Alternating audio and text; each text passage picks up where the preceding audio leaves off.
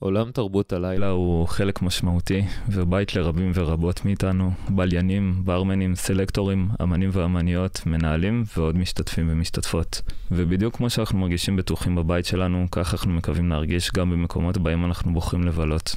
ובחלק ניכר מהזמן זה באמת מרגיש ככה. אך עדיין, מפעם לפעם אנחנו נחשפים לסיפורים על חוויות בהן נחצה קו אדום, וזה לא בהכרח הופך לכותרת בעיתון, זה גם יכול להיות חבר או חברה שמספרים לנו על חוויה קשה שהם עברו, או פוסט בפייסבוק אליו נחשפנו. בתוך הנאה מאוד גדולה יש אזורים אפורים, אך הקווים האדומים הם עדיין בוהקים. ואין חשוב יותר מלהיות מודעים אליהם. הפרק הקרוב הוא לקראת הפאנל הראשון מתוך סדרה, מרחב פתוח בחיי הלילה, שהתקיים ביום רביעי, ה-26 לאפריל. אני אייל כהן, פה באולפן, שלום קאי קוטליב. אהלן, מה קורה? שלום ירון טרקס, בעלי הבלוק. כיף שאתם פה, מה שלומכם? כיף להיות פה, תודה שאתה מארח אותנו. הפאנל התקיים בשביל המרד 2, שני בניינים מפה. החלל משמש לפרויקטים רבים, מקבוצות תיאטרון, הופעות, מסיבות, ובקרוב גם פאנלים. קאי, בחמישי שלפני פסח קיימת שם מסיבה. איפה מתחילה ההיכרות שלך ושיתוף הפעולה עם המקום? אמ, זה שביל המרץ באמת התחיל כמקום אה, של מסיבות אה, של הגל השני. אנשים היו מתגלגלים למקום הזה כאפטרים, כל מיני אנשים עם בוקסות, עם אה, דיסק אונקי בכיסים, ומרימים שם אירועים כאלה ואחרים. ואני הכרתי את זה כמועדון לכל דבר ועניין. ככל שביליתי שם יותר, הכרתי גם את שאר האופי שלו ואת מה שעומד מאחוריו, וגיליתי חבורה מדהימה של אנשים שהם ממש מקיימים שם תיאטרון במהלך היום, עם הצגות, עם כיתות, עם... כל מה שכלול בלנהל תיאטרון, ובונים שם תפאורות ו- וכאלה. ובערב זה הופך למועדון וממש למרחב בילוי, גם לאנשי תיאטרון, אבל גם לאנשים שהם מסצנות אחרות לגמרי, שקשורות לתיאטרון, ושמתחברות עם האנשים האלה.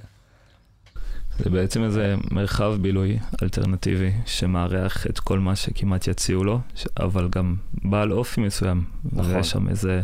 הוא בא לארח uh, תכנים מכל סוג שהם אה, נוגעים לקהילה האלטרנטיבית, ומבחינתנו קהילה אלטרנטיבית זה כל הקצוות של החברה במובן הכי מהמם של זה, בין אם זה הקהילה הגאה, בין אם זה אה, חבר'ה מדרום העיר שמגיעים מהשכונה פה ומחפשים מקום לבוא ולקבל בו תכנים שהם לא בהכרח יכולים לקבל במרכז תרבות אה, סטנדרטי ורגיל. אה, בין כל שאר הדברים שאתה יכול למצוא פה בשכונה, זאת אומרת, אתה יכול לראות אצלנו הרצאות מכל מיני סוגים שהן מאתגרות קצת יותר את התכנים, מאתגרות קצת יותר את הנורמה שאתה תמצא במקומות כאלה ואחרים באזור. בתוך הפרויקטים שבעצם התקיימו שם, איזה פרויקטים אתה יצרת? אז בינתיים יש לנו את הפאנל, שזה הולך להיות סדרה של פאנלים, כמו שאמרת, שהגיעו לכל מיני נושאים שהם אה, באמת של אה, קהילות קצה. אמ, זה לא הולך להיות רק סביב חיי הלילה, זה הולך להיות גם סביב עולם התיאטרון, וגם סביב בכלל החיים של הקהילה הגאה, זאת אומרת, אה, סדנאות על פוליאמוריה, סדנאות על, אה, על אה, זוגיות נכונה, סדנאות על, על, על כל דבר שהוא באמת לא שגרתי ו, ונפוץ אצלנו בחיי הלילה, כחלל שהוא של חיי לילה. זאת אומרת, הפאנל הקרוב יהיה על אה, שימוש נכון בסמי מסיבות, אה, בשיתוף עם רופאים. ובאמת אנחנו מנסים... לפאנל הבא כאילו? כן, בחודש מאי. ואנחנו באמת מנסים לתת לקהל שיוצא למסיבות ולקהל שיוצא לאירועים מענה לקבל מידע מאנשים שהם מכירים ואנשים שהם מזדהים איתם, זה יכול להיות הרופא שלהם, זה יכול להיות uh, המנהל של המועדון שהם יוצאים אליו, ובאמת מדברים על... Uh, על, על, על הנושא עצמו, על הפרקטיקות ועל איך אה, לעשות דברים נכון, איך לא לעשות דברים נכון, ואיך לייצר קהילה יותר נכונה ובריאה לנו. זה באמת משהו שאנחנו לא כל כך נחשפים אליו בחיי הלילה, לאפשרות הזאת לפאנלים, לשיחות בגובה העיניים, לדברים שלא עוברים נגיד דרך איזה גורם שלישי ואז מגיעים אלינו, אלא בעצם לשבת בפאנל ושיהיה אפשר בסוף לשאול שאלות נכונות. ירון, זה משהו שעלה אצלך במחשבות במהלך השנים? עלה מלא פעמים הרעיון הזה של לעשות אה, הרצאות בבלוק, על נושאים דומים אה, למה שקאי דיבר עליו, אולי לא בקטע של ה-NFT של הבולבולים, אבל חוץ מזה, זה אותם דברים. אגב, כאילו שנים אני כבר מפלרטט עם הרעיון של להוציא פוסט ענק מהבלוק שמדבר על נושא של צריכה נכונה של סמים. אתה יודע, וזה מהדברים שאני לא עושה, כי זו עבודה כל כך קשה לעשות את זה מדויק ונכון, מהפלטפורמה של הבלוק, כאילו, אבל זה משהו שאני מאוד מאוד רוצה לעשות, אה, כי זה מהדברים האלה ש... שכאילו, זה איזה סוג של אבסורד, שלא מדברים על זה, אז כאילו, כאילו יכולים, אם אתה, אם אתה מוציא כזה פוסט, זה כאילו מישהו יכול להגיד לך, רגע, אתה מעודד סמים, אבל זה בעצם בדיוק ההפך, כי סמים קורים בכל מקרה. אתה מעודד צריכה מבוקרת אה, ו, אה, של סמים ומעודד אה, מעודד אה, אה, ביקורת, חשיבה ביקורתית, ומעודד אנשים לבדוק, להבין מה זה עושה להם, מה זה עושה להם לגוף, מה זה עושה להם ל, לראש. אה, וזה דברים חשובים, כי אנחנו גם ראינו חברים שלנו שנפגעו. נכון. ואנחנו אנחנו מאמינים, אנחנו, אנחנו מאמינים בחומרים האלה, כמו שהקהילה המדענית, המדעית, עכשיו, אה, עכשיו אה, באמת אנחנו רואים שבשנים האחרונות יש יותר ויותר אה, מחקרים בנושא הזה, בנושא, בנושאים טיפוליים וכאלה. זאת אומרת, אנחנו באמת מאמינים ש, שלפחות חלק מהחומרים האלה, יש להם, יש להם פוטנציאל חיובי באבולוציה של, של האדם, עד כדי כך. ואולי כבר בעצם, יש, יש גם תיאוריות שאומרות שבעצם, אתה יודע, כל האבולוציה, כל הקפיצה האבולוציונית של מהאדמה נדרתה והלאה, זה היה בזכות פטריות. נכון, זה גם, זה גם היה מאוד אה, נפוץ בשנות ה-60 וה-70, טיפול נכון, נכון, כאלה ואחרים. נכון, ואז זה הוצא מחוץ לחוק, ועכשיו אחרי כמה עשרות שנה, פתאום זה חזר לדיון המדעי, הרפואי, וזה לא מפתיע אותנו, אותנו זה לא מפתיע. כי אנחנו, כי אנחנו הרגשנו את זה כל השנים האלה. אנשים לא סתם עושים את הדברים האלה. זה סוג של טיפול, כן, זה סוג של מדיסין, זה סוג של טיפול פסיכולוגי הרבה פעמים בשביל אנשים, או התמודדות.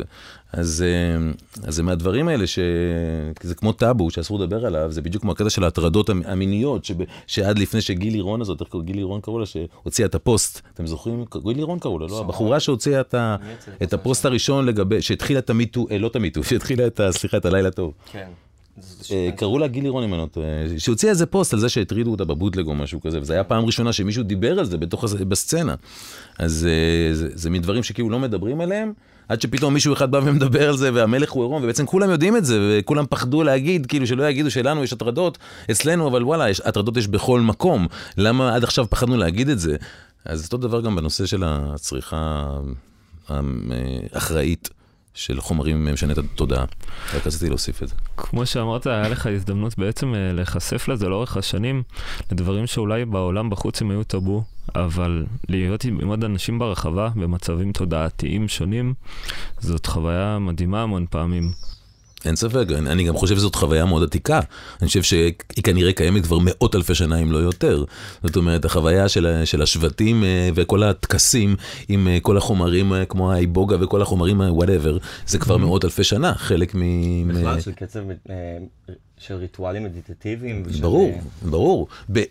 בעזרה של מוזיקה רפטטיבית כן. עם כלי הקשה וחומרים משני תודעה. זאת אומרת, אנחנו מדברים פה על משהו שקיים כבר מאות אלפי שנה, אם לא יותר. חלק מהתרבות האנושית, חלק כנראה משמעותי ב-well-being. של uh, human beings, אתה מבין? ב-well-being, אז כן, אין ספק שאתה מגיע למקומות שאתה מרגיש שהכל נכון, שמשהו מתחבר, משהו מאוד מאוד חזק קורה. וזה גם טיפול פסיכולוגי, ואני זוכר את זה מגיל 22 עם LSD, מה שזה עשה לי, והייתי בהרבה טיפולים פסיכולוגיים בחיים שלי, ומה שזה עשה לי, הכמה, כמה מסיבות האלה עם ה-LSD, נתן לי משהו שאולי שווה ערך לעשר שנים של טיפול, באיך שזה פתר לי איזה, איזה משהו עם עצמי ש... שהייתי תקוע בו. בעצם גם מסיבת האסיד הראשונה שהיית בה, פתחה בפניך את העולם המוזיקלי האלקטרוני יותר? כן, כן, זה היה בשנת 1992, הייתי בן 22, וזה היה הפעם הראשונה שאתה יודע, אז עוד לא היה, זה היה ממש חדשני, היו איזה 300 איש בישראל שבכלל הכירו את המוזיקה הזו. אז אה, כן, זה, זה היה הפעם הראשונה ששמעתי, ותחשבו, זה לא כמו, אתם נולדתם לזה. אני לא נולדתי לזה, לא היה את הצלילים האלה בכלל, אף אחד לא שמע 303, כאילו, אף אחד לא שמע את ה bassline, אף אחד לא שמע 808, 909, התחילו לשמוע מרווין גיי עשה 808, אבל כאילו לא שמעו את הסינטים האלה, לא שמעו את הסאונדים האלה, זה היה כל כך חדש. כל כך מדהים, זה כאילו בא כמו, לכן גם הרבה אנשים בתוך הסאטלה שלהם, של ה-LSD, האמינו שחלק מהאנשים דיברו שזה מוזיקה של חייזרים, ברצינות האמנו שיש מצב שזה בכלל מוזיקה, כאילו זה לא היה ברור מה קורה פה, זה היה כל כך מוזר וחדשני, ולא היה ברור מי עושה מה, אז זה היה עד כדי כך קלצ'ר שוק, כאילו לכולם. הבלוק הוא באמת אחד ממוסדות הלילה המדהימים שקיימים בעולם. השילוב בין רחבה ללא טלפונים וסיגריות, גם לא נעלי עקב וכפכפים, לסאונד סיסטם המדהים של המקום. האמנים והאמניות הישראלים והבינלאומיים שמתארחים כמעט בכל שבוע, וכמובן גם הצוות של המקום, הם יצרו הרבה לילות מדהימים, ועם המון אמירה של המקום עצמו. וברגע שנכנסנו בדלתות של הבלוק, אנחנו נוכחים בכאן ועכשיו בתוך מסע מוזיקלי. ירון, בטיים-אאוט בחרת בבלוק כאחד מחמשת המקומות האהובים עליך, באופן לא מפתיע.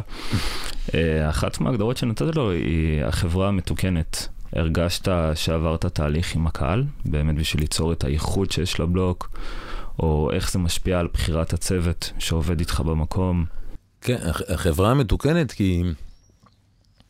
קודם כל, אני, אני, עד כמה שאני חקרתי ולמדתי, הבנתי שהמקורות של הסצנה הזו, למרות שהרגע דיברתי על המקורות של מאות אלפי שנה גם, אבל המקורות של הסצנה המודרנית של ה night club עם הדי-ג'יי, הגלגול המודרני של הטקס השבטי העתיק, אה, התחיל, התחילו בניו יורק בשנות ה-70, אה, במקומות שהם באמת היו...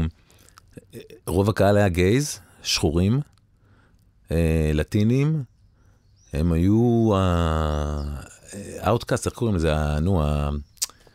איך, איך הם, כאילו, הם היו אה, מיעוט אה, רדוף במובן מסוים באותה תקופה, בניו יורק. הכי רדופה של אותה תקופה. אה, ודווקא כמובן מתוך המקום הזה של ה... להיות שונה ולהיות רדוף בצורה...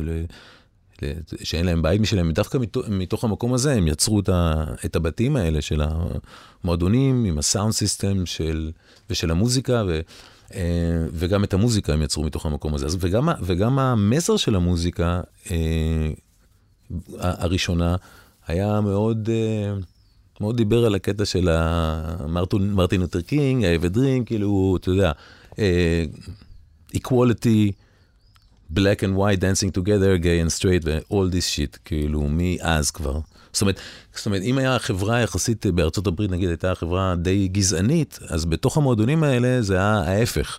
זה היה כיסים של ביטחון כאלה בשביל החברה. כי היו שם גם סטרייטים, היו שם גם לבנים כמובן, אבל הם היו כאלה שקיבלו את ה... היו ליברליים ומודרניים במחשבה שלהם, יותר כנראה בהרבה מה... מהסביבה באותה תקופה. וקיבלו והיו חלק מה... ו... ולא רק זה, גם מן הסתם חוו את מה שגם אני חוויתי, כשאני בתור ילד בן 22 התחלתי להיכנס לתוך העולם הזה, וזה שכאילו בתוך העולם הזה, בתוך ה... אמ, בתוך החוויה הזו, אתה, הגבולות האלה נמסים, זאת אומרת, אתה ממש יכול לרקוד ליד בן אדם שאתה ואתה מתחבר עם בן אדם שהוא כל כך שונה ממך, ולא היית נפגש איתו מבחוץ, אבל פתאום זה כל כך כיף, אז פתאום אני מכיר גייז, כי לפני זה לא הכרתי גייז, כאילו, ולא, לא, אז הייתה תקופה, זה היה שנות ה-90, אתה יודע, Whatever, כאילו, לא, לא הכרתי gays. אז כאילו, פתאום אני מכיר gays, בהתחלה, מה זה נבהלתי פעם ראשונה שנפגשתי עם גיי, כאילו, אמרתי, מה הוא יעשה לי, כאילו, אתה יודע, זה, זה הפחיד אותי, לא הכרתי את זה, כל מה שלא מכיר אותך, אתה לא מכיר, אתה, אתה מפחד. אז הכרתי gays, והכרתי רוסים, והכרתי ערסים, לא יודע, הכרתי כל מיני אנשים.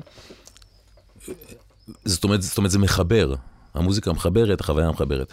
אז uh, אתה יודע, אז אני אומר, זה גם מה ש... אז כשאמרתי חברה מתוקנת, זה איכשהו מתקשר לזה, כי כל, המ... כל השורשים של הדבר הזה הם, הם שורשים של, כמו שאתה רואה, של, של בעצם כור היתוך. שבו אפשר סוף סוף באמת לשבור את כל החומות, וכולם יכולים להבין שביחד אנחנו רוקדים, ואנחנו בסך הכל בני אדם, וערבים, יהודים וכולי. אז במובן הזה, זה, זה, זה, משם זה מתחיל הנושא הזה של החברה אה, אה, מתוקנת, וזה ממשיך כמובן עם, עם גם מבחינת, מבחינתי, מבחינת הבלוגים, גם להג, לדבר על זה, לדבר על, אה, כשיש הזדמנות, לדבר על equality, לדבר על נגד גזענות, וכמובן גם לעשות את זה במציאות, זאת אומרת, לרצות שיבואו אלינו אנשים מסוגים שונים, מ... איך אומרים, גזעים שונים, לא יודע. אתה יודע, מצבעים שונים וכולי, ובנטיות מיניות שונות וכולי. ולתת להם להרגיש שהם וולקאם, כאילו, שהכל סבבה. אז, אה, ו, וזה גם מתבטא כמובן בחוקים ש, שהם מדברים על, באמת על, על, על המרחב האישי ועל, אה, אתה יודע, על, מנסים למזער את האגרסיביות שקיימת אה, בחברה הישראלית ובכלל. למזער את האגרסיביות כמה שיותר, אנשים באים לרקוד. אז במובן הזה, אז יש לך פה איזו הזדמנות לבנות חברה מתוקנת וגם, וגם להגיע אליה יחסית בקלות, כי הענישה היא מאוד דיברנו על איך לעשות את זה, זאת אומרת, הענישה היא מאוד קיצונית, כי כולם רוצים להיות במסיבה כשיש איזה די.ג'י גדול שמגיע, וכולם רוצים להיות במסיבה, והם יעשו הכל כדי להיות במסיבה. אז אם אתה אומר להם שהם לא יהיו במסיבה, אם הם לא, אם הם לא שומרים על החוקים, אז הם ישמרו על החוקים, גם האנשים הכי קשים ישמרו על החוקים, אז מהר מאוד הבנתי את זה, ובום, זה, זה עובד. אז כולם פתאום נכנסים, הם מרגישים טיפה כאילו באירופה, כנראה. הם, פה הם כאילו לא מרשים לעצמם אולי להתנהג כמו שהם, אולי היו מתנהגים במקום אחר, אולי גם הם כבר, כבר לא מתנהגים במקום אחר בצורה כזו. באמת דיברת על אנשים אה, מגילאי, בגילאים שונים, ממקומות שונים, ואז חשבתי על המקום הזה שהם בעצם, כשאתה נכנס למועדון, אתה חסר מעמד, כי אתם רגע באיזה חוויה קולקטיבית, נכון. אבל שאתם כולכם שלמים איתה, ושתצאו באמת מדלתות וחשוך, אתה המועדון. לא רואה אפילו את הפנים של אנשים יותר נכון. מדי, אז כאילו לגמרי אתה, חס- אתה בסך הכל, כן. אני- יש אנשים שזה קשה להם, הם רוצים להישאר במעמד ולעבור על החוקים ולהגיד, אתה לא יודע מי אני, אבל כאילו, כן, זה כל הרעיון, שאין לך מעמד, ולא משנה מי אתה. בדיוק. החוקים, החוקים חלים על כולם, כאילו, גם על הבעלים, גם על הצוות כמובן, קודם כל. אם אני מחזיר אותך למסיבת האסיד ממקודם שדיברנו עליה, אז סיפרת באחד הרעיונות, באחד הרעיונות שביום שאחרי רקדת מול המראה בשביל להבין ככה מה קורה, ובבלוק אין מראות בעצם, נכון? נכון. אז מה פעם היה מראות קצת, הזאת? אף פעם לא היה הרבה מראות בבלוק, אבל היה בשירותים מראות, והאמת ששי אשתי, שהיא גם מנהלת את הבר, אה, היא, אה, היא, אה, היא הייתה בברגיין בשנת, אה, לא זוכר, מתישהו הייתה בברגיין וחזרה ואמרה לי, תשמע, זהו, אני כאילו, זה השראה שהיא קיבלה, שאין מראות גם בשירותים בברגיין, היא אמרה לי, תשמע, זו תחושה כל כך יותר טובה, שאתה לא מסתכל, אתה לא, אתה לא self-aware, כאילו, אתה קצת שוכח מזה. אז... אה, ואז uh, החלטנו להוריד, פשוט הורדנו את כל, ה- אפשר עד היום לראות את הסימנים של המראות שהיו בשירותים מתוך, מעל הכיור, כאילו פשוט הורדנו את הכל, וזהו, נשארנו בלי מראות. הברגן נתנו לנו, אני חייב לתת להם את, את הקרדיט שנתנו לנו השראה על- בהרבה דברים. כן, למרות שדיברנו פה באוף מייק מקודם, אז אה, קאי, סיפרת קצת על זה שבברגן חזרו להשתמש בטלפונים. נכון. לא- לא- לא, הם חזרו. אני לא יודע אם אה, מעולם אה, הפסיקו. אבל אולי זה יותר מורגש עכשיו. זה יותר מורגש עכשיו כמובן, כי כולנו בטלפונים מהמם. אה, 24/7, וגם במסיבה יש דברים באמת שאתה רוצה לעשות בטלפון, ולגיטימי לעשות אותם בטלפון, לא ברחבה, אבל... אבל לא ברחבה, לפחות ככה הייתה התפיסה שלי, ולאחרונה ככל שאני נוסע לברלין אה, יותר, ומסתכל יותר סביבי ומשווה בין מה שאני חווה במקומות שונים, אני רואה שיש שם המון המון מסכים, אנשים מתעניינים, אתה יודע, ב- לשאול חבר או חברה איפה הם, אנשים מעלים הרבה סטורים שרואים את הצבע של המדבקה ושומעים את הטיעון ברקע, ומתייגים את הדי-ג'יי או עושים אה, טאג של המקום, כ... כ... כמין אה, דרך לתקשר את זה שהם חווים את החוויה הזאת, למרות שאסור לצלם. אז אני חושב שהאיסור על צילום הוא מאוד מאוד חשוב. אני לא יודע אם הוא מספיק במציאות של היום, כדי באמת אה, למקסם את החוויה הזאתי, ולייצר את הניתוק הזה, ש... שכל כך חשוב כדי להצדיק את, ה... את היציאה מהבית בשבילי. וכשאתה רואה מסכים סביבך, זה מחזיר אותך לחיי היום-יום. זה, זה דורש לעשות משהו שלא הרבה מוכנים לעשות אותו. נכון, לספוג את זה גם מהקהל, רגע, איזה שינוי, שיכול להיות לא, שבעקבותו... מה שזה דורש מצד מהמם. המקומות זה לעשות משהו שלא להרבה מקומות יש או את הכוח או את האומץ או את, ה, או את הסבלנות לעשות את זה, אה, או את החוצפה לעשות את זה. כי זה די חוצפה. כש- כשאנחנו אנחנו החלטנו את זה ב-2013, זה יגיע לטלוויזיה, אחד מהערוצים בטלוויזיה, בתור כאילו, אנשים דיברו על זה כאילו, הגזמתם. זה חוצפה. אתה לא נותן לבן אדם להסתכל מה, מה השעה, או לשלוח הודעת אס.אם.אס, מה כאילו, אתה, זה כאילו ממש חדירה לפרטיות בצורה גסה. אז אנשים בהתחלה נורא נורא התעצבנו מזה. וזה דרש, כאילו, זה דרש המון המון כוח ואומץ לעמוד מול זה, בתחושה שבסופו של דבר אה, רוב האנשים יבינו ויעריכו את זה, כי זה פי מיליון יותר כיף לרקוד ברחבה בלי, בלי האורות של טלפונים. ההבדל הוא, הוא פשוט תהומי, זה שאנשים אולי לא הבינו את זה בהתחלה, עכשיו הרבה יותר מבינים את זה, אבל אני הבנתי את זה כשהייתי באמת בברגן ב-2013, וזה לא היה חוק, אבל איכשהו הסתכלתי למעלה והיה מתוך איזו רחבה של איזה 600 איש, ראיתי בסך הכל שני טלפונים דלוקים, ואמרתי, וואו, כאילו זה הזכיר לי 92, ככה, אז לא היה טלפונים, אז כולם היו בתוך המסיבה, אף אחד לא היה בתוך משהו אחר. עכשיו, זה משפיע בצורה קיצונית. גם האור שזה עושה סביבך, מוריד רצח, נראה לא יפה, לא מחמיא, וגם uh, אתה פתאום מבין שמישהו אחר נמצא בכלל במקום אחר, זאת אומרת, הוא לא נהנה. וכשאתה נהנה, כשההנאה של אחרים זה מה שמרים אותך. זה אחד הדברים שהכי מרימים אותך. אם, אם אתה פתאום רואה מישהו לידך נעצר ומתחיל לדפדף בטלפון, ישר ירד לך. ישר, אין, אי אפשר להימנע מזה. זה כל בני אדם מרגישים את זה, אפילו מודעים או לא מודעים. אז לכן, כשראיתי את זה, אמרתי, וואו, זה מה שאני רוצה. היה לי ברור שזה יהיה פי מיליון יותר כיף, והיום, אני חושב שזה קונצנזוס, שעדיף שזה ככה, בבלוג לפחות. זה הסטנדרט היום, נראה, ב- ברוב העולם, זאת אומרת, נראה שהיום... מבקשים, לא- מבקש, אה, מוציאים לא אנשים על אוכפים- טלפונים? לא, לא אוכפים את זה. ולא, ולא באמת אה, דואגים שזה יקרה באופן אקטיבי, ולא לא יוציאו אנשים ממועדונים, למרות שיש מקומות בעולם שעושים את זה, ספציפית. אבל, יודע כמה אבל עבודה זה יצר לנו? הוא כאילו לא מגניב להוציא את הטלפון, היום- היום זה כאילו עכשיו לא קול. יופי, אני, אני, אני יודע, נכון, וזה זה היה בגל, זה לא רק אנחנו, היו עוד זה, אבל לאכוף את זה, זה מה שקשה, זה עבודה מטורפת, אה, ולדעתי בלי לאכוף את זה, לפחות בתל אביב, כאילו זה הסיוט. אם לא היינו אוכפים את זה, זה הסיוט. כן, להגיד את זה בכניסה זה לא, זה לא מספיק, צריך באמת אה, להראות אה, שזה קורה. זאת אומרת, בן אדם, צריך. לראות ש- שחבר שלך, היו לי חברים, כבליין קבוע שם, שח, שחוו את זה, זאת אומרת, אמרו לי, ברור. תשמע, הוצאתי פעמיים את הטלפון, הוציאו אותי. שלוש פעמים את הטלפון, הוציאו אותי, אני מחוץ למסיבה. כן, אנשים לא. מאמינים, אף אחד לא מאמין שנעשה דבר זאת כזה. אומרת, אני, אני אומר, אמ- אמרו לך מספר פעמים, אה, וזה גם כל כך לי, נראה בסיסי. אבל לא זה בדיוק העניין. בוא, אנשים כולם יראו את זה כהמלצה. אם אתה לא תאכוף, זה ייגמר כהמלצה וכולם עדיין יעשו את זה, וזה פשוט יוריד. אני אתבאס רצח, אני לא יכול לראות את זה. אני כל כך רגיש בדברים האלה, זה, אני פשוט נכנס לדיכאון. טוב, אז קודם כל זה קריאה למאזינים והמאזינות, לא לצייר את ירון בבלוק. אל תוציאו את הטלפונים, הוא מצטער נורא אחרי זה. ויש גם איזה נחיתה רכה בבלוק בין הרגע שאני מחליט אה, או מחליטה לצאת מהמועדון, לזה שיש אה, מערכת יציאה אה, שרואה שהכל בסדר. שאני באמת, ואם עכשיו שניים יוצאים ביחד, אז שהם מכירים, נכון? נכון, אני לא ידעתי שזה קורה כל פעם. אנחנו דיברנו על זה והחלטנו שזה קורה, אבל לא ידעתי שזה עכשיו קורה כל פעם. כשאתה... אה, מאיפה שמעת על זה? כאילו, ראית את זה קורה? דיברנו על זה בטלפון. אה, זה קורה כל פעם עכשיו? כן, זאת אומרת, זה הסטנדרט, אה, אני יודע שזה... אבל זה קורה עכשיו תמיד, כן? תשמע, כן, זה לא קורה על כל בליין. ובליינית, כי המון בליינים הם קבועים והמון ברור, בליינים... ברור, ברור. אבל אה, זה, נכון, זה, סטנדרט נכון. שממש אה, אני העברתי אפילו, וכן, זה, אפילו היה. רעיון שלך אולי, משהו כזה? זה היה, בתקופת נידל, אה, זה היה ממש... איך הגענו לרעיון הזה בכלל? זה רעיון גדול. זה רעיון גדול, זה רעיון קריטי. לגמרי, זה, דבר, שהוא קורה ב... דבר טבעי שקורה למארח או מארחת שעושה או עושה סגירה, ורואה אנשים יוצאים, לראות באיזה שפת גוף הם יוצאים ובאיזה הרכב ובאיזה. mindset הם יוצאים. ברור, אבל- בעיקר אבל בגלל הסיפור באמת של. הזה, של- של- של מה שאנחנו יודעים ש- של סם אונס, זה- הסיפור, זה... אחד- לנסות למשוך את האחריות ש, ש, שיש לנו ואת היכולת אה, למזער נזקים כמה שאפשר, גם כשהם הולכים הביתה, זאת אומרת לוודא שהם יוצאים במצב טוב, ועם מי שהם הגיעו, אה, והם מכירים. כן.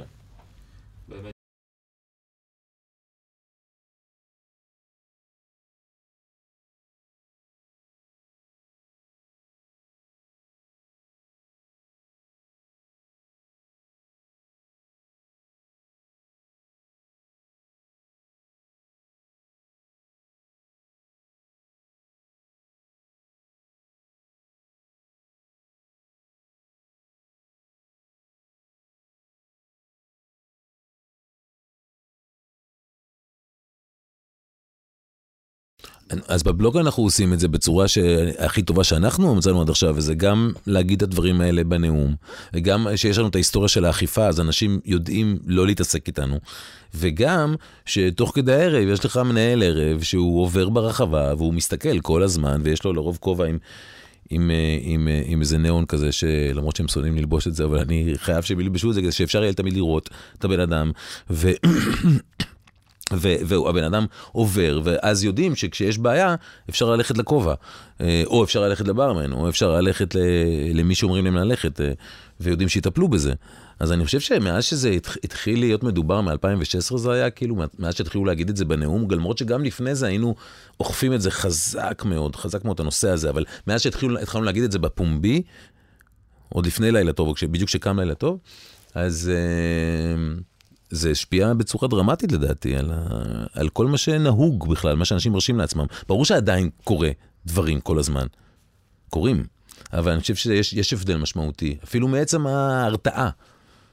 יש פרקטיקות שקורות אה, עוד לפני זה, כדי באמת אה, אה, לשלוף את, ה, את האנשים ש, נראים אבודים, או אתה יודע, יושבים איזושהי ספה ונראים קצת עייפים, או... ברור, ולבדוק ולשאול אותם, אתם בסדר? ממש לשאול. מה איתם, להציע להם מים, ברור. במקרה, כמו שאתה אומר, לקחת אותם למשרד, להביא להם גם שוקולד, או, או, אה, ש- או לתפוס תנומה אם צריך, באמת כי, כי זה קורה, כן, כי יש תחושת אחריות. ברור, וגם בכל מקרה, אתה חייב לעשות את זה. ברור. זאת גם תחושת הסולידריות שלנו לאנשים שאיתנו ברחבה, אם אנחנו רואים מישהו, מישהי שזה במצוקה. לגשת אליהם רגע, בצורה נעימה כמובן, ולא לשאול את בסדר, את בסדר, אלא, או אתה. בסדר, אלא בצורה נעימה, להגיד למישהו שנמצא שם. ואתם יודעים, כל העלייה הזאת של בעצם הגל האלקטרוני, לא נוצרו קלאבים חדשים בעקבות. לא בכמות שהיינו מצפים. פסטיבלים חדשים בהחלט מתקיימים, כי יש פה גם איזה פן כלכלי מאוד גדול, פסטיבלים שמגיעים מחו"ל. ואני תוהה לגבי הקהל החדש שמגיע לקלאבים, אם במקומות כמו הברגיין בברלין, אז uh, אתה מקבל לא בכניסה ואתה הולך הביתה, או מנסה בפעם אחרת. בתל אביב ההתייחסות לסלקציה היא שונה, יש פה חוקים אחרים. איך בכל זאת אפשר להתמודד עם מישהו, מישהי ששיכורים מדי שמגיעים לסלקציה, או שנראה שהם אין שום בעיה לא? להכניס אותם. כי זה לא... כי- כי אוקיי. החוק של הסלקציה לא מדבר על זה. למרות שיכולות להיות פרשנויות בבית משפט, אבל החוק של הסלקציה באופן רשמי מדבר על זה שאסור לך ל... אה, אה, איך אומרים? אה, לא, לא להכניס בן אדם על בסיס גזע, דת, נטייה מינית, וזהו. צריכה לא- להיות ו- אפליה. כאילו צריכה להיות אפליה ספציפית. ב, ב, אם, אם, אם, אם, אם לא רצית שהוא ייכנס בגלל שהוא ערבי, או בגלל שהוא אתיופי, או בגלל שהוא גיי, אז אתה עברת על החוק. עכשיו, למזלנו, אנחנו שמחים מאוד שכל האנשים האלה נכנסים, אבל מה שאנחנו לא רוצים, למשל בבלוק, ואני מאמין שכל מקום, זה לא רק הבלוק, כל מקום בטוח, זאת אומרת, סליחה, אולי יש מקומות שהם טיפה יותר גזענים, אבל כאילו בכללי, מה בסך הכל מקומות רוצים? שלא, שלא תהיה אגרסיביות, שלא תהיה אלימות. אתה רוצה שאנשים יהיו נעימים. אם כל עוד בא בן אדם ורוקד, ולא מפ... לא מציק לסביבה, לא מציק לאנשים, כן? הוא, הוא כאילו מכבד את, ה, את, ה, את המרחב האישי של אנשים, אז הכל נפלא, נכון? אז אתה רוצה להיפטר מהאנשים האלה, בעצם. כל מי שבבלוק בא והמוזיקה היא יחסית נורא אנדרגראונד, כאילו, אז כל מי שבא לבלוק ובא לרקוד, כאילו, what the fuck, שיבוא מי שרוצה, הוא יראה סבבה, הכל יהיה סבבה, אבל אנשים שבאים כדי למצוא בחורות, או לא יודע מה, כי הם לא יודעים לקחת את הסמים שלהם או לשתות את הדרינק שלהם בצורה נכונה שהם נהיים אגרסיביים, או ש... זה אנשים שאנחנו לא רוצים. שבאמת הגיעו בתשע או עשר בבוקר, אתה יודע, אחרי לילה ארוך, ואתה יכול אה, למצוא את עצמך אומר להם אה, ש... הם שתו יותר מדי. ששתים יותר מדי, ושאולי ממליץ להם אה, שלא ללכת לנוח, ופתאום אומרים לך וואלה, תשמע, אני- אתה צודק, אני צריך לנוח קצת, אחי. הרצון העיקרי הוא לנסות למנוע את האנשים האגרסיביים, שטרם הם נהיו אגרסיביים, כי מה שקורה. בעיקר זה שבן אדם נכנס והוא הוא לא, הוא לא, על פניו הוא לא נראה אגרסיבי, והוא מוזמן, ואתה יודע, נכנס באהבה למועדון, ומתגלגל לתוך איזשהו אה, מצב שהוא אה, משתחרר יותר מדי ומרשה לעצמו יותר מדי, ובאמת נהיה משהו ש, שמשפיע על החלל בצורה לא נעימה. בכל מיני דרכים, זה יכול להיות סתם שהוא הולך נגיד בין אנשים ולא שם לב, בהם. ולא שם לב איך הוא הולך ומתנגש באנשים, נגיד, לדוגמה. נכון. זה לא חייב להיות אגרסיבי ברמה הזאת של אה, התחלתי מכות.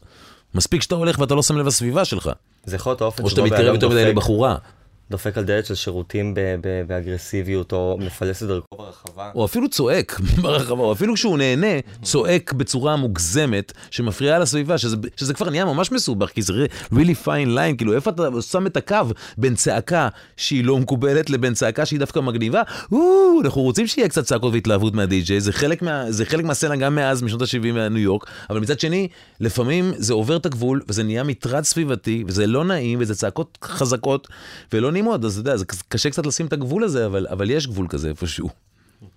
או למשל, מה קורה עם ליינים שיש להם קונספט מסוים? אם אפשר לשמור עליו מול קהל, שאולי זאת הפעם הראשונה שהוא מגיע, איך אפשר לתקשר את זה איתו? קאי, אתה מכיר את הנושא הזה קצת מקרוב?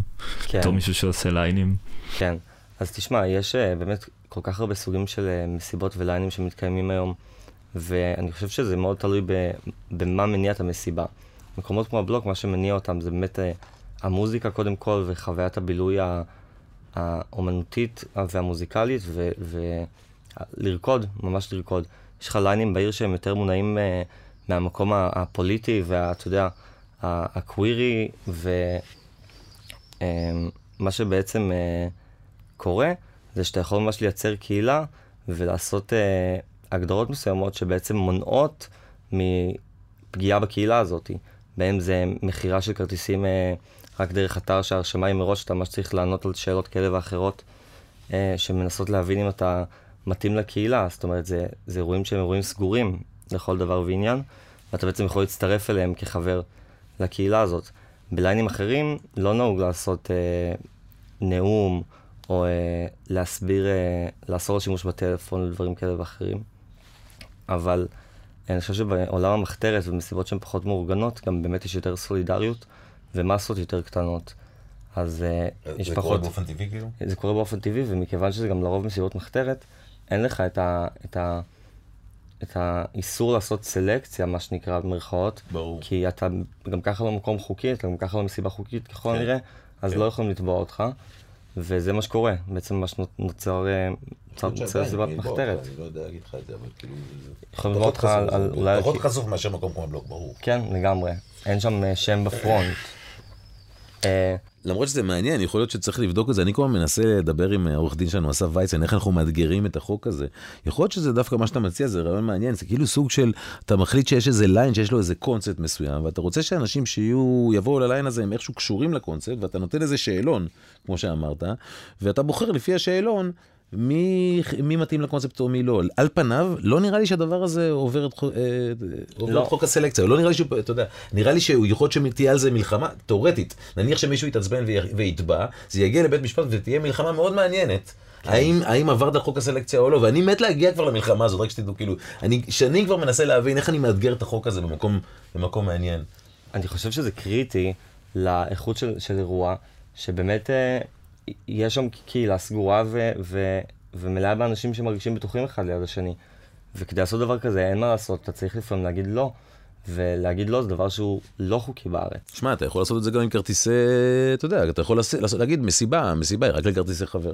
אז זה מה שעשו בניו יורק, במ- במועדונים האלה שדיברתי עליהם, הלופט והפרדייס גראז' בשנות ה-70, היה להם אה, רק כרטיסי חבר, ונראה לי שלכל חבר היה מותר להביא בן אדם אחד. זה היה אקסקלוסיבי מאוד, זה היה כאילו... ועדיין היו שם איזה 3,000, 64. 4,000 איש, לא, עדיין בפרדס גראז' היו איזה 3,000, 4,000 איש, אבל הם היו כולם או עם כרטיסי חבר, או חבר של כרטיס חבר. כן. אז זה אפשרי לעשות דבר כזה, תאורטית, לא כזה פשוט היום. אה, מישהו אולי צריך מספיק אומץ כדי לעשות את זה פעם. כן, אני חושב שהעיקר הוא מה, את מי התוכן מושך. זאת אומרת, לרוב אנשים באמת יגיעו סביב המוזיקה. יש אנשים מסוימים שבשבילם אה, ערב בבלוק או ערב במועדון עם מוזיקה טכנו זה ממש, אה, זה ממש יכול להיות סיוט. זאת אומרת, יש אנשים שממש לא אוהבים את זה. ברור. ואני באמת מלא אמונה ש, שמי שמגיע, הוא חולק איזושהי, אה, איזשהו מכנה משותף איתי שהוא יותר גדול מהמוזיקה. ולרוב זה נכון. באמת אה, ליינים מסוימים נותנים הצצה לאג'נדה של בן אדם או של חברה, של האנשים שמגיעים וחווים רגע את הדבר הזה ביחד, וגם שזה משפיע על הלייפסטייל שלהם, נכון? על הצורה בה הם חיים את החיים ואיך שהם עושים את הדברים. זה בעצם, זה לא נגמר בערב הזה במועדון, זה נגמר באיזה אג'נדה שלמה שממשיכה לרוץ. אני חושב שברגע שאתה מבין ש, ש, שמוזיקה שונה היא... גרובים שונים משפיעים אה, על כל מיני דברים שלא היית מצפה שהם ישפיעו, כמו למשל, באמת על דרגת האגרסיביות שב, שבך. הרי בכולנו יש אגרסיביות גם. אה, זאת אומרת, אבל יש גרובים שמפחיתים אגרסיביות, שאם אתה תרקוד להם כמה שעות, אתה פשוט תרגיש שהאגרסיביות מופחתת ממך. ויש גרובים שהם דווקא מעודדים אגרסיביות.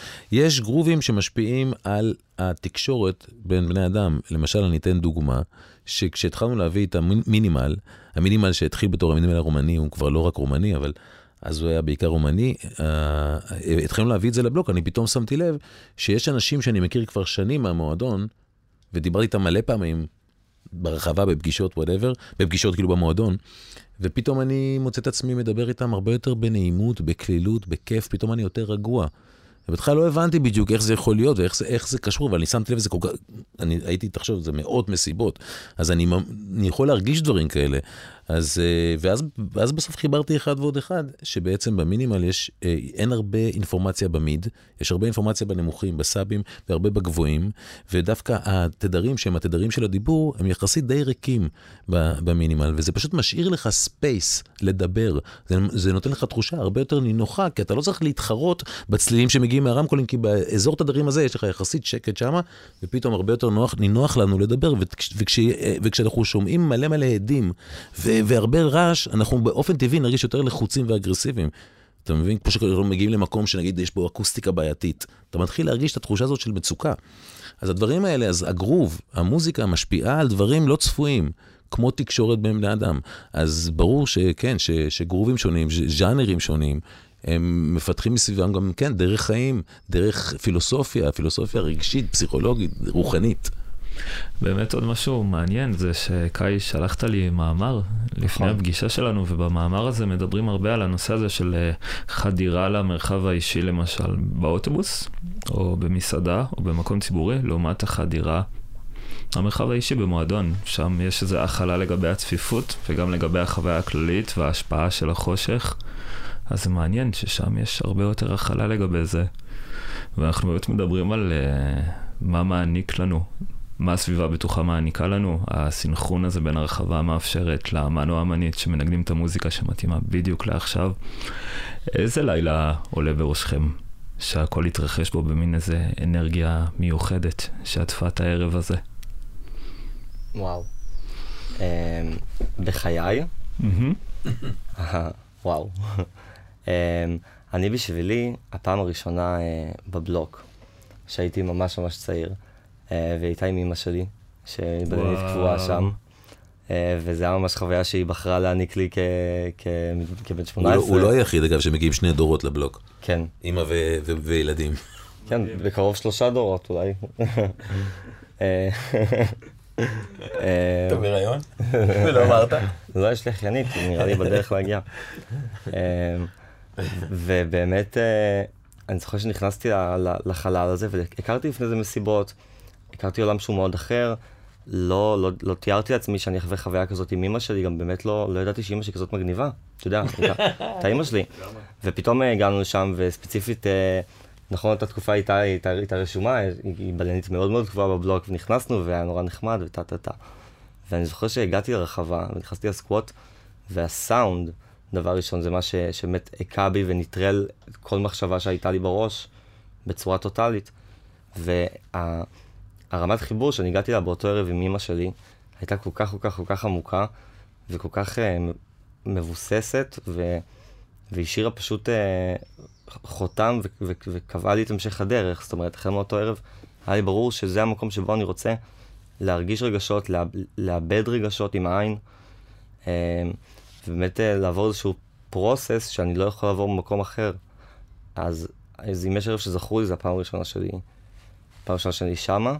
ואני חושב שמה שגרם לזה לקרות זה באמת החוויה שהייתה איתה, אז זה, זה נגד קצת את הקונספט שהיה לי בראש למסיבות, חברים, אתה יודע, כמש, כ teenager, אלכוהול וכן הלאה, פתאום אה, חוויה משפחתית, ובאמת מה שהכה בי היה הסאונד, וזה שכולם רוקדים, אף אחד לא עומד בחלל.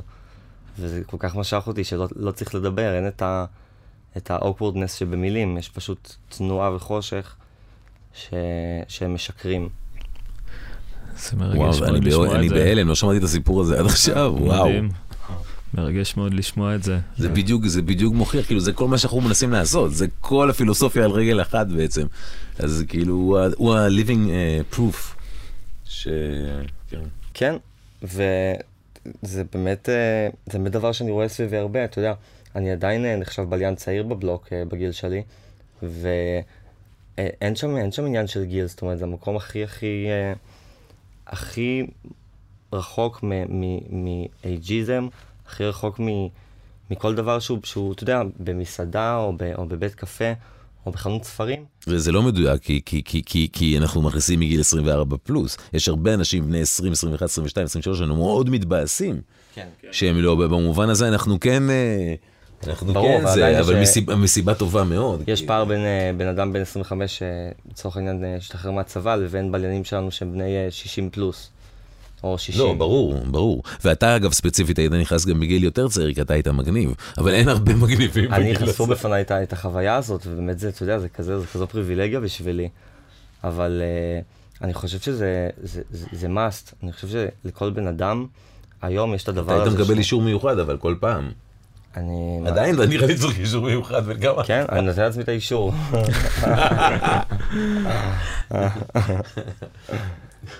אבל במקרה שלו זה היה ברור שכאילו הוא צריך להיות שם.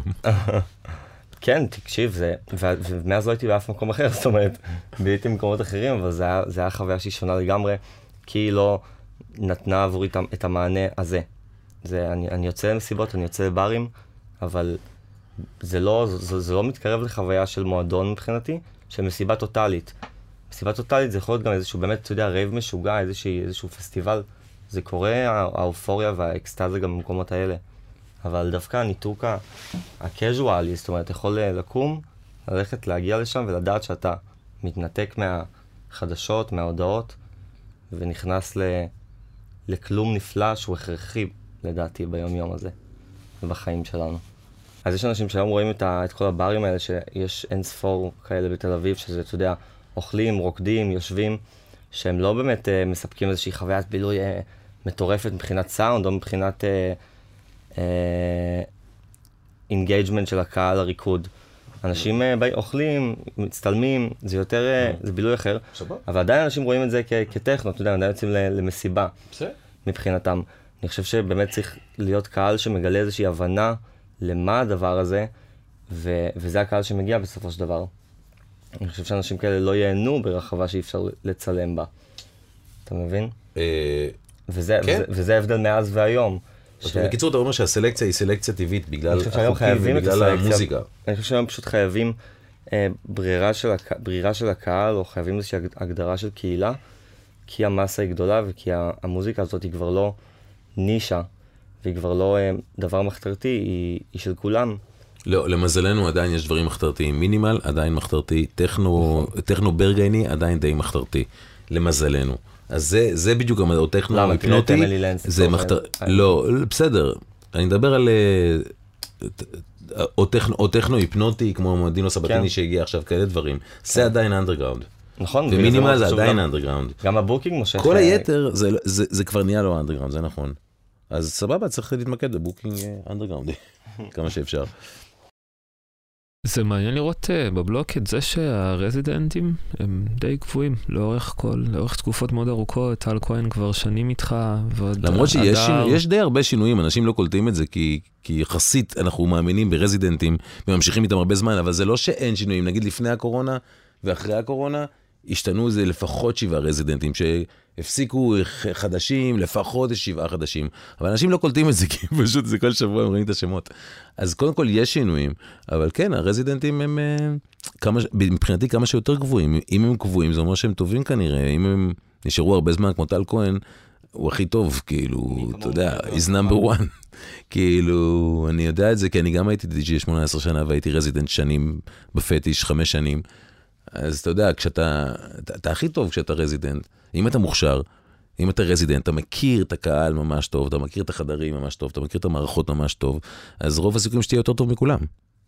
זה מעניין לראות גם את התהליך שלך בתור די-ג'יי, איך בעצם התחלת, זה התחיל קודם כל מזה שהיית בליין, ואספת תוך כדי שזה מוזיקה. זה לדעתי רוב הדי.ג'ים התחילו ככה, ש- בתור, בתור רקדנים. זה המקום, זה המקום שאתה אמור להתחיל בו, בתור די.ג'יי. והיום זה גם uh, משהו מאוד מעניין לראות, promoter. שאנחנו רואים uh, בליינים או בלייניות שפתאום רשומים ב line-up. Uh, שהם, של הליין שהם הכי אוהבים, וזה מדהים לראות את העולם המוזיקלי שהם מביאים לתוך זה, שזה בעצם גם ההתחשבות במקום ובאווירה, אתה יודע, לא, לא הצלחתי להבין על מה אתה מדבר, איזה בליינים הוא בליינים? אנשים שהתחילו בתור בליינים ועכשיו הם נהיו די.ג'ים? כן, בליין מסוים. אתה רוצה לתת לי דוגמה או שאתה מדבר באופן כללי? Mm, לא עולה לי איזה אני דוגמה ספציפית. נגיד. אה, נגיד מעיין. דודו למשל, one agent, מעיין דודו. יש בליינים, הילו, מעיין דודו, הילו, נכון? כולם. בעצם כולם התחילו בתור בליינים, וג'ונס חסן ומי עוד, אה, אתה יודע, כולם התחילו בעצם בתור בליינים. ברור. כולם, לא נראה לי שיש די.ג'י אחד אני חושב גם שהתח- אצלנו שלא התחיל בתור רוצה להיות בליין. רזידנט של מקום, כי הוא, כי הוא, הוא מבין את המקום, זאת אומרת, הוא בילה מספיק שעות במקום, הוא, הוא מכיר באמת, כמו שאתה אומר, את הסאונד, אבל באמת את סוג הקהל שמגיע לשם, הוא באמת מכיר את האנשים בפועל. בוא נגיד שיש לו סיכוי הרבה יותר חז... אה, גבוה להצליח במקום מאשר די.ג'יי, שפשוט החליט יום אחד שהוא רוצה לנגן בבלוק, והוא אפילו לא בא למסיבות בבלוק, ויש מלא כאלה גם כן. כן, וזה מעניין אותי, כי הדוגמה שלך לגבי ההחלטה שלך להפסיק לתקלט היא מאוד מאוד מעניינת, של בעצם המעבר של אה, ליין מסוים למקום אחר, כן. ואתה חוזר שבוע אחד ושבוע שני ועוד שבוע, והמוזיקה שניגנת שם כבר לא מתאימה לחלל הזה, נכון.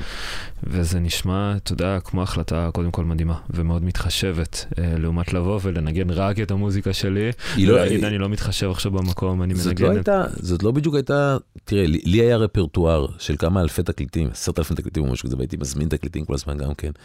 אה, ובתוך הרפרטואר היו כמה גוונים, אבל אתה יודע, בתור מישהו שהוא לא, אני לא אוהב להתפזר יותר מדי, אז בתור די.ג'י רציתי להיות איכשהו, שיהיה לי איזה אה, מעגל כלשהו של ז'אנרים שהם איכשהו קשורים אחד לשני, ששם אספתי את המוזיקה.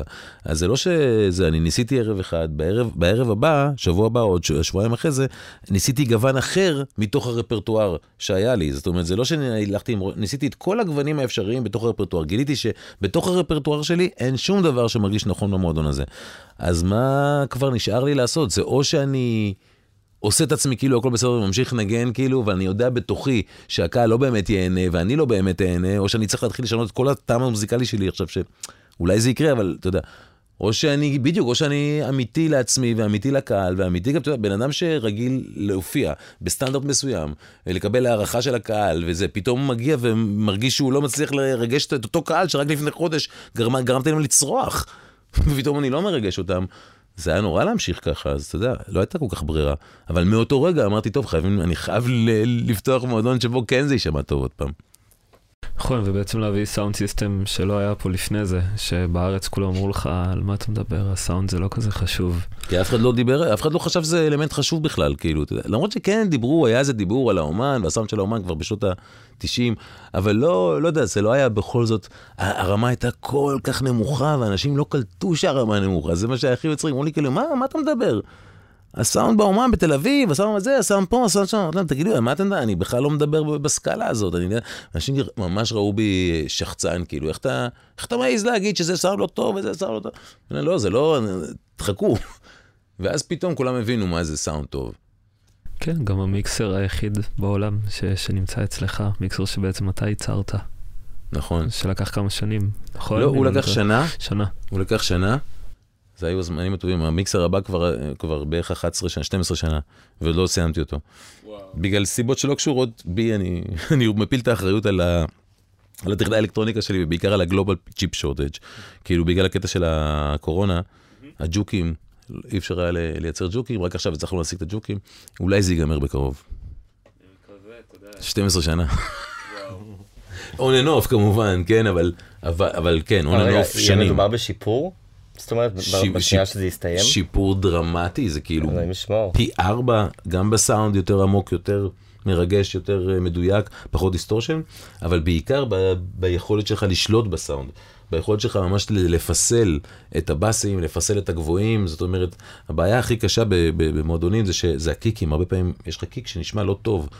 ה kicks, וכשה kick נשמע לא טוב, כל הקטע מתחרבש. אז uh, עם, עם המיקסר הזה, אתה אשכרה יכול לקחת kicks שנשמעים לא טוב, ופשוט להפוך אותם ל kicks שנשמעים מפלצת. ואין את זה בשום מיקסר בעולם. אני בחיים שלי לא שמעתי דבר כזה, אחרים ששמעתי להם הסכימו איתי. אני חושב שזה, זה fucking, כאילו, זה, זה משהו, זה new, new horizon, כאילו, של DJing. ממש לרגע דיברנו על הקורונה בהקשר של המיקסר, אבל uh, גם תרבות הלילה מתקיימת תקופה ארוכה מאוד בתוך הקורונה, ועוברת טלטלות רבות מלהיות סגורים לגמרי לשבוע אחד שפתוח, או, ש... או תקופה קצרה. פתאום שלא מגיע אף בן אדם למועדון. ו- נכון, שפתאום יש איזה חשש שאתה הערב זה, אבל פתאום הודיעו איזה משהו חדש ואף או- אחד לא או- מגיע. או, או די-ג'אים, שפתאום אה, ש- שנייה לפני שהם עולים על המטוס, מתבררים שהם חיובים לקורונה, וזה קרה לנו כבר לפחות פעמיים, לא שלוש, וביטלו לנו ברגע האחרון, ביום של המסיבה. כאילו, גם זה קורה, לא מעט. כן, ואז יש פה גם איזה סוג של אה, דיאלוג מול הקהל, שרצה לשמוע בדיוק את הדי-ג'יי הזה שהגיע מחו"ל זה ולהתחיל כבר רגילים, כי כי- כי- כן. גידולים היו תמיד, אבל עכשיו זה פשוט קורה יותר. כי יש לך עוד סיבה שזה יכול לקרות. לגמרי, ובתקופה האחרונה יש איזו רגיעה, שהלוואי שתישאר, אבל עם פתיחת הקלאבים מחדש, לאורך זמן הרגשתם שינוי בצורה בה אנשים מבלים, האינטנסיביות, או מין תחושת המסיבה האחרונה, הרצון שיהיה ערבים יותר ארוכים למשל. לא הבנתי, שיהיה ערבים יותר ארוכים אחרי הקורונה, דווקא היו ערבים יותר למשל. ארוכים לפני הקורונה נראה לי. לא, אני- אח- קצת, ממש שנייה אחרי שפתחו את המועדונים וזה, כאילו ששחררו אותנו לחופשי, אז אה, היה איזשהו, אנשים התפוצצו, כאילו הם הלכו ויצאו, ואני זוכר הייתה אווירה של פסטיבל ברחובות, עזוב אותך, ובמועדון, זה היה התפוצצות של שבועיים, שלושה, מה קרה לך? אחרי שלושה נכון. שבועות זה נרגע. נכון, חודש במקסימום. ואז לפחות בפרספקטיבה שלי, היה נדמה שיש איזושהי ירידה, ולפחות אני חשבתי שאולי אה, הקורונה איכשהו פגע בחיי הלילה. נהיה לי חשש כזה, זאת אומרת, לא, זאת אומרת במובן של, אה, של כבר חזרנו, ופתאום אולי אנשים באמת אה, מפחדים להתקרב לאנשים אחרים, או אנשים מהססים להגיע, ו... נו, ומה אתה מרגיש? הקורונה פגעה אנושות בחיי הלילה. לא, זה ברור שהיא פגעה, היא פגעה בכולם. אבל הכוונה היא שגם אחרי שחזרנו, אני חושב שזה כן השפיע. אה, היא, היא השאירה איזשהו מטען אה, ברמה, אתה יודע, אחרי ברמה היגיינית, של איך אתה מתנהל. אצלי למשל בטוח. נכון, יש ממש... אצלי בטוח. וגם ברמה ההיגיינית וגם בכלל ברמה החברתית, זאת אומרת, ריחוק חברתי זה דבר של, שלמדנו במשך שנתיים, ופתאום צריכים לשבור אותו. אבל לא, אבל לא רק זה, גם אל תשכחו שרוב הזמן עבדנו תחת אה, התו הירוק. התו הירוק, לא כולם בגילאים האלה מחוסנים, ולא כולם, ויש הרבה כאלה שגם מתנגדים לתו הירוק, מבחינה אידיאולוגית. אז כאילו, ולא כולם מוכנים להיבדק, היו מוכנים להיבדק בכניסה. את הבדיקה כי זה לא כזה כיף, לא יודע, אנשים לא אוהבים להיבדק לבדיקה רפואית בכניסה למועדון, אז בסך הכל היו, היו לנו בדיקות, אבל היו מגיעים 20, 30 בבדיקות. זאת אומרת שבעצם כן, פספסת פה חלק גדול של הקהל, שהוא מבחינה אידיאולוגית התנגד בכלל לזה שאנחנו פועלים לפי התו הירוק ומבחינתם אנחנו פשיסטים ומשתפים פעולה עם, עם הביג פארמה. או אה, אנשים שפשוט אה, הם לא מחוסנים מסיבה כזו או אחרת והם לא יכלו להיכנס ולא התחשק להם להיבדק או אפילו לא ידעו שיש בדיקה בכניסה. אז הם ברור זה משפיע. וגם, וגם אחרי שזה נגמר, וזה כבר יצר משהו, זה כבר היה הרבה זמן. אז תמיד זה לא שהיה כזה הבדל עצום. זה איכשהו כבר השפיע והושרש לדעתי. כאילו. נוצר משהו סטיגמטי כלפי אנשי לילה? אולי בתור מישהו שלא שומר, בתור כאלה שלא שומרים על הבריאות, שפוגעים באנשים מסוימים. אבל אם כבר אנחנו ההפך, אנחנו היינו נכון, הכי... אבל עדיין הרגשת שבעצם אולי לא רוצים לשמוע את הצד הזה. אצל אנשי הלילה, שבעצם, ש... שרוצים לחזור לחיים, שרוצים להניע את הדברים, ובעצם... שלא רוצים לשמוע איזה צד, לא הבנתי. את הצד של בעצם, הנה, אנחנו, אנשי הלילה, רוצים לחזור לחיים, אבל מצד שני יש פה את הזה של, אבל אתם מכניסים 500 איש למועדון, אתם יוצרים פה איזו צפיפות מסוימת, כאילו אם נוצרה איזו סטיגמה מסוימת. Mm. אני חושב שדווקא אולי ההפך. סטיגמה מוסרית, כאילו, אני חושב... כלפי אנשי לילה. כלפי, כן. אני חושב שהיום, שכבר, אתה יודע, שאנחנו לא רואים את המספרים... אה, של כמה נדבקו היום רצים על המסך, וזה כבר לא כזה, כזה בשיח, אז, אה, אז כבר לגמרי החיי לילה חזרו למצב שהם היו קודם, ואפילו השתפרו קצת, כי אני כבליין מעריך הרבה יותר את החוויית בילוי. אבל... אה, אני חושב, אני חושב שעוד פעם, שדווקא יש לא מעט אנשים, שיש כמה אנשים לפחות שאני יודע, מתוך החבורה של חיי הלילה שהיו בעבר, שהפכו להיות uh, ל... אני לא יודע איך לקרוא להם בדיוק, אבל אה, אנשים ש... אנשים ש... אה, לא מאמינים בקורונה, לא מאמינים בחיסונים, הם נגד כל הדבר הזה, מאוד מאוד, באיזה, מקדמים את זה בצורה אפילו מאוד אגרסיבית חלקם. אז למשל אנשים חבור... כעסו על אנשים כעסו, דווקא המון, המון בליינים, אני חושב, כי המוזיקה גוררת אנשים מכל, מכל קצוות החברה. ואנשים אה, אה, צבעוניים ואנשים עם אמונות כאלה ואחרות, באמת המון בליינים התאכזבו ש, שאוכפים את זה, זאת אומרת, והתבאסו. Okay. כן.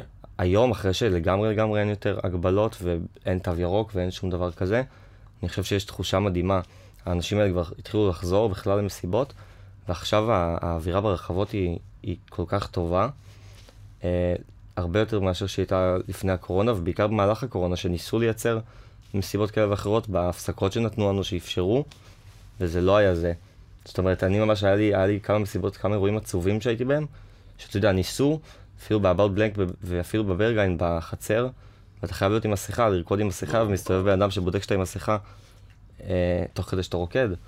וזה... אבל, אבל אתה יודע, אתה יודע, אני חושב שהאירועים... זה היה גיים לגמרי. האירועים הכי מרגשים בתקופה האחרונה מבחינתי זה היו דווקא באמת בחודשים הראשונים אחרי ה... שהיינו רק מקומיים, ולא הרבה באו, אחרי הקורונה. Mm-hmm.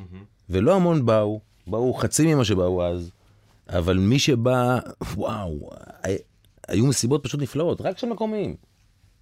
במשך כמה חודשים, עם אנרגיות רוחניות נפלאות, אז כאילו, אתה יודע, לא יודע, אין, אין חוקים בדבר הזה. פתאום יש לך תקופה רוחנית מאוד, פתאום יש לך תקופה פחות טובה, פתאום... שוב פעם, אני חוזר לגליות, אבל זה פשוט ככה, אני רואה את זה כל 14 שנה. כן, שאני בבלוק.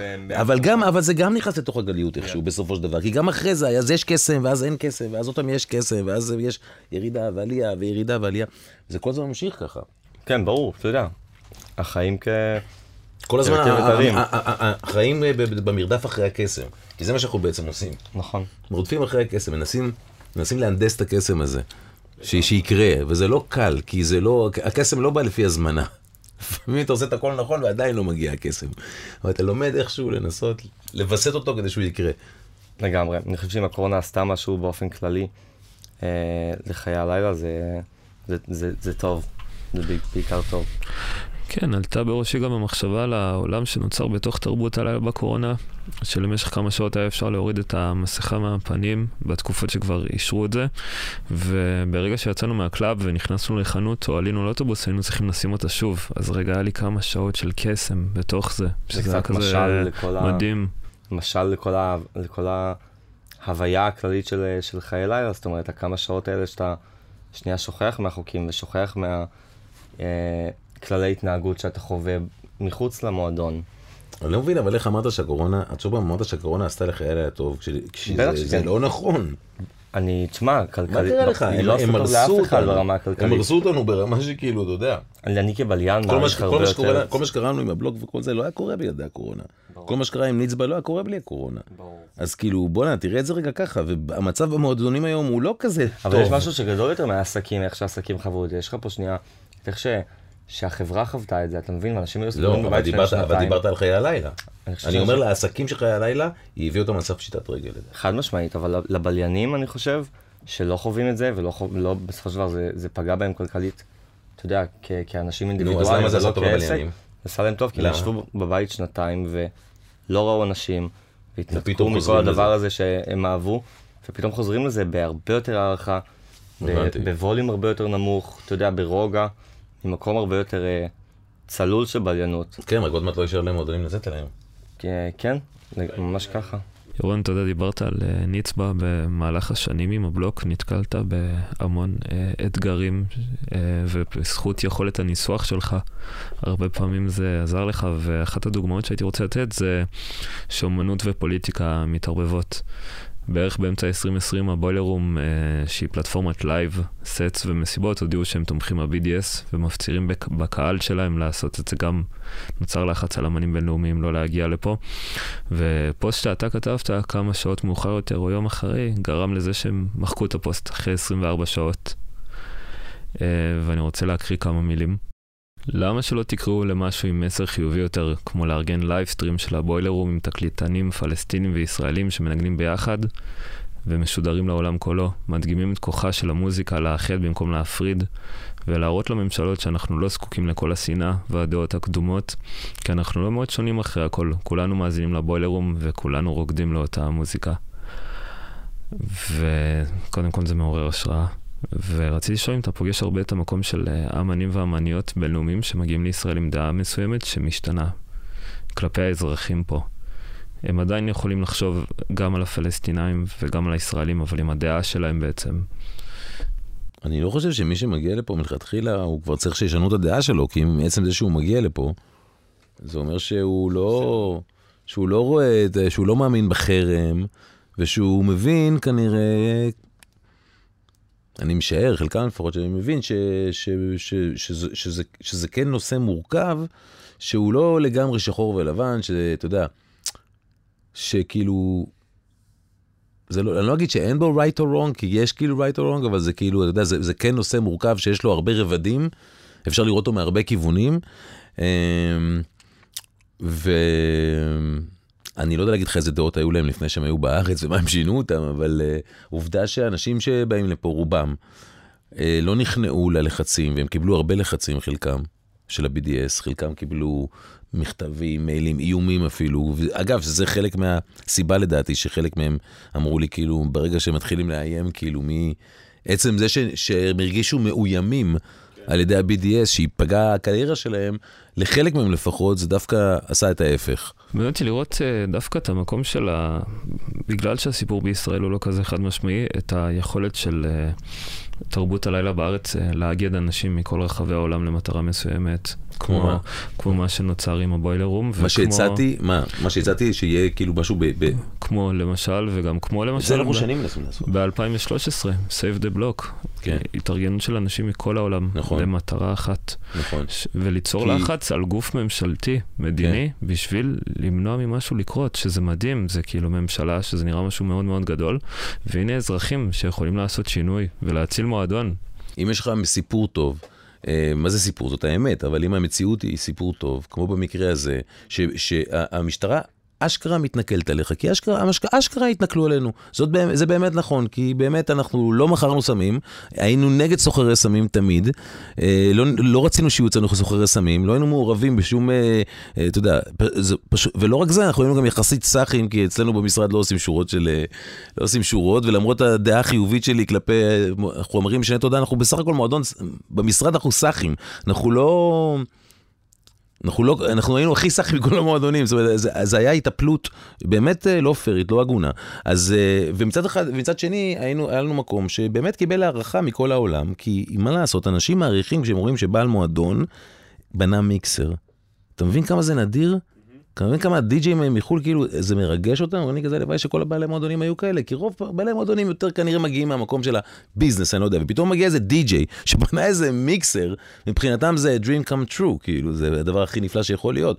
אז אתה יודע, אז, אז, אז כולם ידעו שאנחנו באים מהמקום הטוב, מהמקום האמיתי.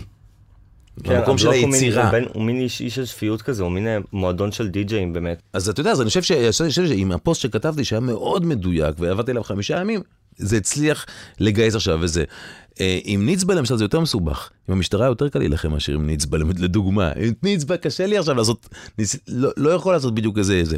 אה, לגבי הנושא של הבוילר רום, כן, אני אומר, אם אתה כותב משהו ואתה יודע לכתוב אותו טוב, אז לפעמים אתה יכול לשנות, המילה הכתובה יכולה לשנות אה, הרבה. אה, אני לא חושב ש...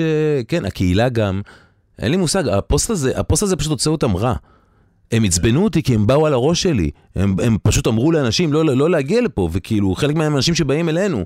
אז זה היה, הרגשתי שהם באים על הראש שלי, אז אתה יודע, אז, אז הפוסט הזה הוציא אותם רע.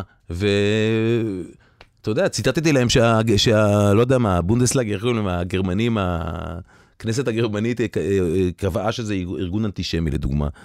אה, אגב, בינינו לא ממש חקרתי את זה עמוק עמוק, אחר כך הבנתי, הם באמת אמרו את זה, אבל יש חילוקי דעות לגבי הנושא הזה. אבל אני חושב שזה אחד מהדברים ששכנעו אותם, כאילו שזה היה נקודה מאוד חזקה. עשית בו בעצם שירות בשביל כל תרבות הלילה בישראל. כן, אה, כולם עפו על זה, אבל. אחר כך כאילו, נש- הם. חשבו ש... כן, אבל נראה לי כל הימנים בעיקר עפו על זה, ואחר כך כשיצאתי נגד ביבי התבאסו עליי. או לא יודע, או דברים אחרים. גם, מי שמאוד, אה, אתה יודע, דעה פוליטית, אותי אישית כאדם, היא כל כך לא מעניינת, אני לא, אני לא, לא, לא מתעסק בפוליטיקה כי אני לא מבין בזה, אבל אני חושב שכל כך הרבה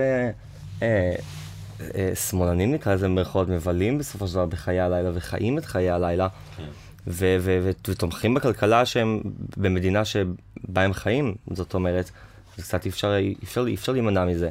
לא הבנתי, אז מה אתה אומר לגבי זה? שחשוב לקחת אה, דעה פוליטית כ- כ- כמקום, חשוב לה- להציג ו- ולתת לכולם את, האפשרות לבלות במרחב שלך, ולנסות למקסם את, ה- את, את המרחב המוז, המוזיקלי הזה בסופו של דבר כדי לגשר על ההבדלים הפוליטיים או על כל הבדל אחר. הייתי שמח זה- זה- שאם זה- אם היו, אתה יודע, יש המון המון בליינים אה, מהמגזר הערבי שמגיעים למועדון, אבל הייתי שמח לראות אה, אה, 50 אחוז אה, בחיי של תל אביב של אה, פלסטינאים שמ- שמגיעים אה, מירושלים או מכל מקום אחר, זה, זה, זה, זה פשוט אה, בלתי אפשרי. לא, אני, אני חושב שזה. באמת עדין, כי, כי בתור מועדון יש לך אנשים מכל כל, אה, קצווי הקשת הפוליטית. ולכן, אה, למשל, אחר כך לכתוב את הפוסט על ביבי ב- ב- ביולי, זה היה מאוד מאוד ללכת בין, בין הטיפות, כי ידעתי שיש כן הרבה בליינים שהם, שהם בעד ביבי. אתה מבין? כן, אבל אני לא חושב שהם הפסיקו להגיע אחרי זה. אתה יודע יותר טוב. וזה הדבר המעניין, הם אבל. המשיכו הם, להגיע. זה היה באמצע הקורונה, אז הם בכל מקרה לא הגיעו. יש בליינים שבוודאות, אה, יש אנשים שהגיבו לך, אתה יודע, באותה תקופה, יכול להיות איזו קשים. תגובה נור, נוראית, כן. או שהיה לכם איזשהו דיון ממש מוזר וזה, ואפילו לי, והיום אני, אני כרגיל חולף מולם במועדון, ומחייכים. ורוקד איתם ומחייכים, כי זה כל כך לא משנה. אתה יודע, זה כמו שאני רואה, אני יכול להשוות את זה, שאני רואה אה, אקס מהעבר, או בן אדם ש... שהיה לי אה, סכסוך עסקי איתו, כן. או whatsoever, כן. שפשוט זה לא רלוונטי בחלל הזה שאתה נמצא בו, הסוגיה הזאת. וזה הקסם של העניין. לגמרי. כי אי אפשר, אי אפשר, אתה יודע, אפשר לנסות לתקן את העולם וחשוב שכל אחד ינסה, אבל בסופו של דבר אי אפשר לתקן את העולם. אפשר לרקוד אה, עם כולם, לנסות לשכוח. לגמרי. אני חושב שגם בתקופות הכי קשות של הכיתוב בישראל, עדיין הרחבות ותרבות הלילה הייתה כמקום של שפיות בתוך הבלגן הזה, מקום שרגע אף אחד לא מדבר, לא רוצים לשמוע בהכרח את הדעה אחד של השני. זה, מצח... זה מה שמצחיק, שאנחנו חיים בתוך עולם כזה, שהוא כולו כל... מלא בכל כך הרבה דברים, ופוליטיקה וזה, ועבודה, ופתאום אתה בא למועדון ואתה פשוט רוקד, וזה השפיות, ואתה מבין שזה השפיות. זה פשוט לרקוד למוזיקה וליהנות, ולא יודע, לראות איזה משהו, ואתה יודע... כל אחד מביא איתו זה בעצם השפיות. כל כך הרבה, כך הרבה מטען, כל כך הרבה פרטים, וכל כך הרבה, אתה יודע, אינפורמציה, ו... ופתאום הכל, אה, הכל נכבש שאתה מגיע למסיבה, זאת אומרת, אתה חלק ממשהו שהוא גדול ממך, ואתה פרט קטן בתוך אה, משהו נפלא. אתה לא איזה אינדיבידואל שצריך להביא איתו לשולחן, אה, אתה יודע, את הדעות שלך. את הדעות שלך, את הסטייל שלך, את האופי שלך, אתה פשוט שמה ואתה רוקד, זה הדבר הכי פשוט לעשות, זאת אומרת, אתה אמבה. זה נפלא. לגמרי, וזה באמת מחזיר אותנו למרחב פתוח ובטוח בחיי הלילה. ואם אנחנו מדברים באמת על הפאנל שהשת... שהתקיים ב-26 לרביעי, השתתפו בו מנהלי ומנהלות ליינים ובעלי מועדונים, וגם אייל ויזנר, מנהל יוזמת לילה טוב, ששמה לה למטרה להיאבק בהטרדות המיניות בחיי הלילה וליצור סביבה בטוחה. כחלק מהיוזמה הם גם מעבירים אה, הדרכות לצוות המועדונים שלוקחים חלק איך לזהות מקרים של פגיעה והטרדה ולטפל באותו הרגע. יש להם שיתוף פעולה מאוד גדול עם הבלוק, עם עוד המון קלאבים בעיר, כן? אבל גם עם הבלוק. אנחנו ממש היינו שם בהתחלה של זה. עוד פעם, אני אומר, הבחורה הזאת, גיל לירון, היא, היא החלוצה. היא זאת שהיה לה את האומץ לכתוב על זה. פעם ראשונה, לאף אחד לא היה את האומץ לכתוב על זה בתוך הסצנה. על הנושא הזה, והיא אמרה, אני הולכת לכתוב על זה. כאילו, הייתה זאת, הילד שצועק שהוא המלך הוא עירום. ואני, אני, עוד פעם, כמו שהוא סיפר עכשיו על זה שהוא עושה הרצאה על ה... שקאי סיפר על ההרצאה על הסמים באחריות, whatever, שזה משהו ששנים תכננתי, שנים תכננתי קמפיין על הטרדות מיניות. אבל כמו שאתם הבנתם, אני הרבה פעמים קורא לי שאני עובד הרבה הרבה שנים על משהו, ולא תמיד הוא יוצא לבוא, לפעמים כן, לפעמים לא, כמו המיקסר 12 שנה. אני פרפקציוניסט חסר תקנה. נכון. אני מחכה, אני, זה, צריך, זה צריך להיות מאוד מדויק, בול, עד שאני מוכן להוציא דבר כזה. ו- והיא השיגה אותי, גיל לירון, הוציאה את הפוסט הזה, ואז אמרתי, טוב, זהו, אני כבר לא יכול לעשות את, את, את הזה שלי, כבר עשתה את זה ראשונה, אבל כאילו סבבה. ו, ובדיוק כמו שציפיתי שיהיה גם עם הפוסט שלנו, קרה עם הפוסט שלה, שכאילו, תוך שנייה התפוצצה הבועה הזאת. אה, שלפני זה פחדו לדבר על זה, בשנייה כולם כבר דיברו על זה. ואז אה, הם ידעו שאנחנו מאוד חזקים בנושא הזה, כי תמיד היינו חזקים בנושא הזה של הנושא של לתפוס הטרדות ולשים לב לזה. הם דיברו איתנו מלכתחילה, באנו, באנו לפגישה של כל הזה, שם זה בעצם התחיל עם כל הבנות החמודות האלה. ו... אה, איך קראו להם? לא זוכר כבר את השם. אבל היום, לא מזמן, הייתה... והייתה, והייתה, זה הייתה פעם אחת אז, והייתה פעם שנייה לפני... אה, לפני איזה חודש, חודשיים, אני חושב שהיום הם עושים סבב נוסף בעסקים. כן, כן, הם עשו, הם עשו, הייתה פגישה של כמה שעות, אה, והבחורה אמרה שגם אנחנו חידשנו לה בכמה דברים, כי אני באמת אומר, אנחנו, אנחנו פשוט, יש לנו דוקטורט בנושא הזה, כי נתקלנו בכל כך הרבה שנים, כל כך הרבה מקרים.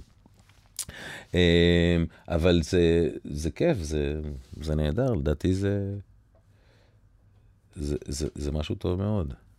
קוראים, זה דווקא עוזר לשחרור בעיניי. לגמרי. אה, במועדון. כן, להרגשה שמי שמגיע או מגיע יודעים שיש פה איזה שיתוף פעולה עם עמותת לילה טוב, ושאם יקרה כן, משהו אז טופל. כן, היום עמותת לילה טוב זה ממש כמו, כמו uh, תו תקן כזה, כן. בעצם היום mm-hmm. שמעבירים את ההדרכה לצוות, באמת מסבירים להם איך... איך להתנהל מול סיטואציות, איך למנוע סיטואציות, איך, אה, איך אפילו להתנהל עם, עם הצד שהוא לא רק הפוגע, גם עם הצד הנפגע, זאת אומרת, אה, איך לנהל את זה בעדינות.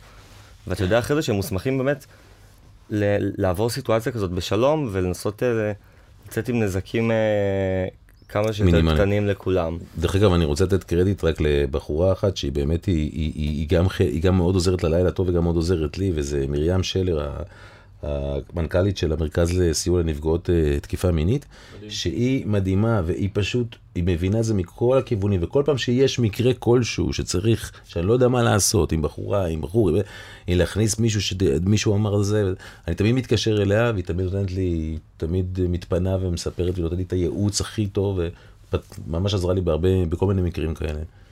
כן, אז יש לנו שיתוף פעולה ממש הדוק בנושאים הם האלה. מציעים להם ממש עסקת חבילה, זאת אומרת, כמה שאני יודע, לילה טוב, שהם מגיעים לעסק, והם ממש אה, נותנים לך מענה גם אחרי זה, בין, בין אם זה עצות, או בין אם זה באמת לקבל עזרה משפטית.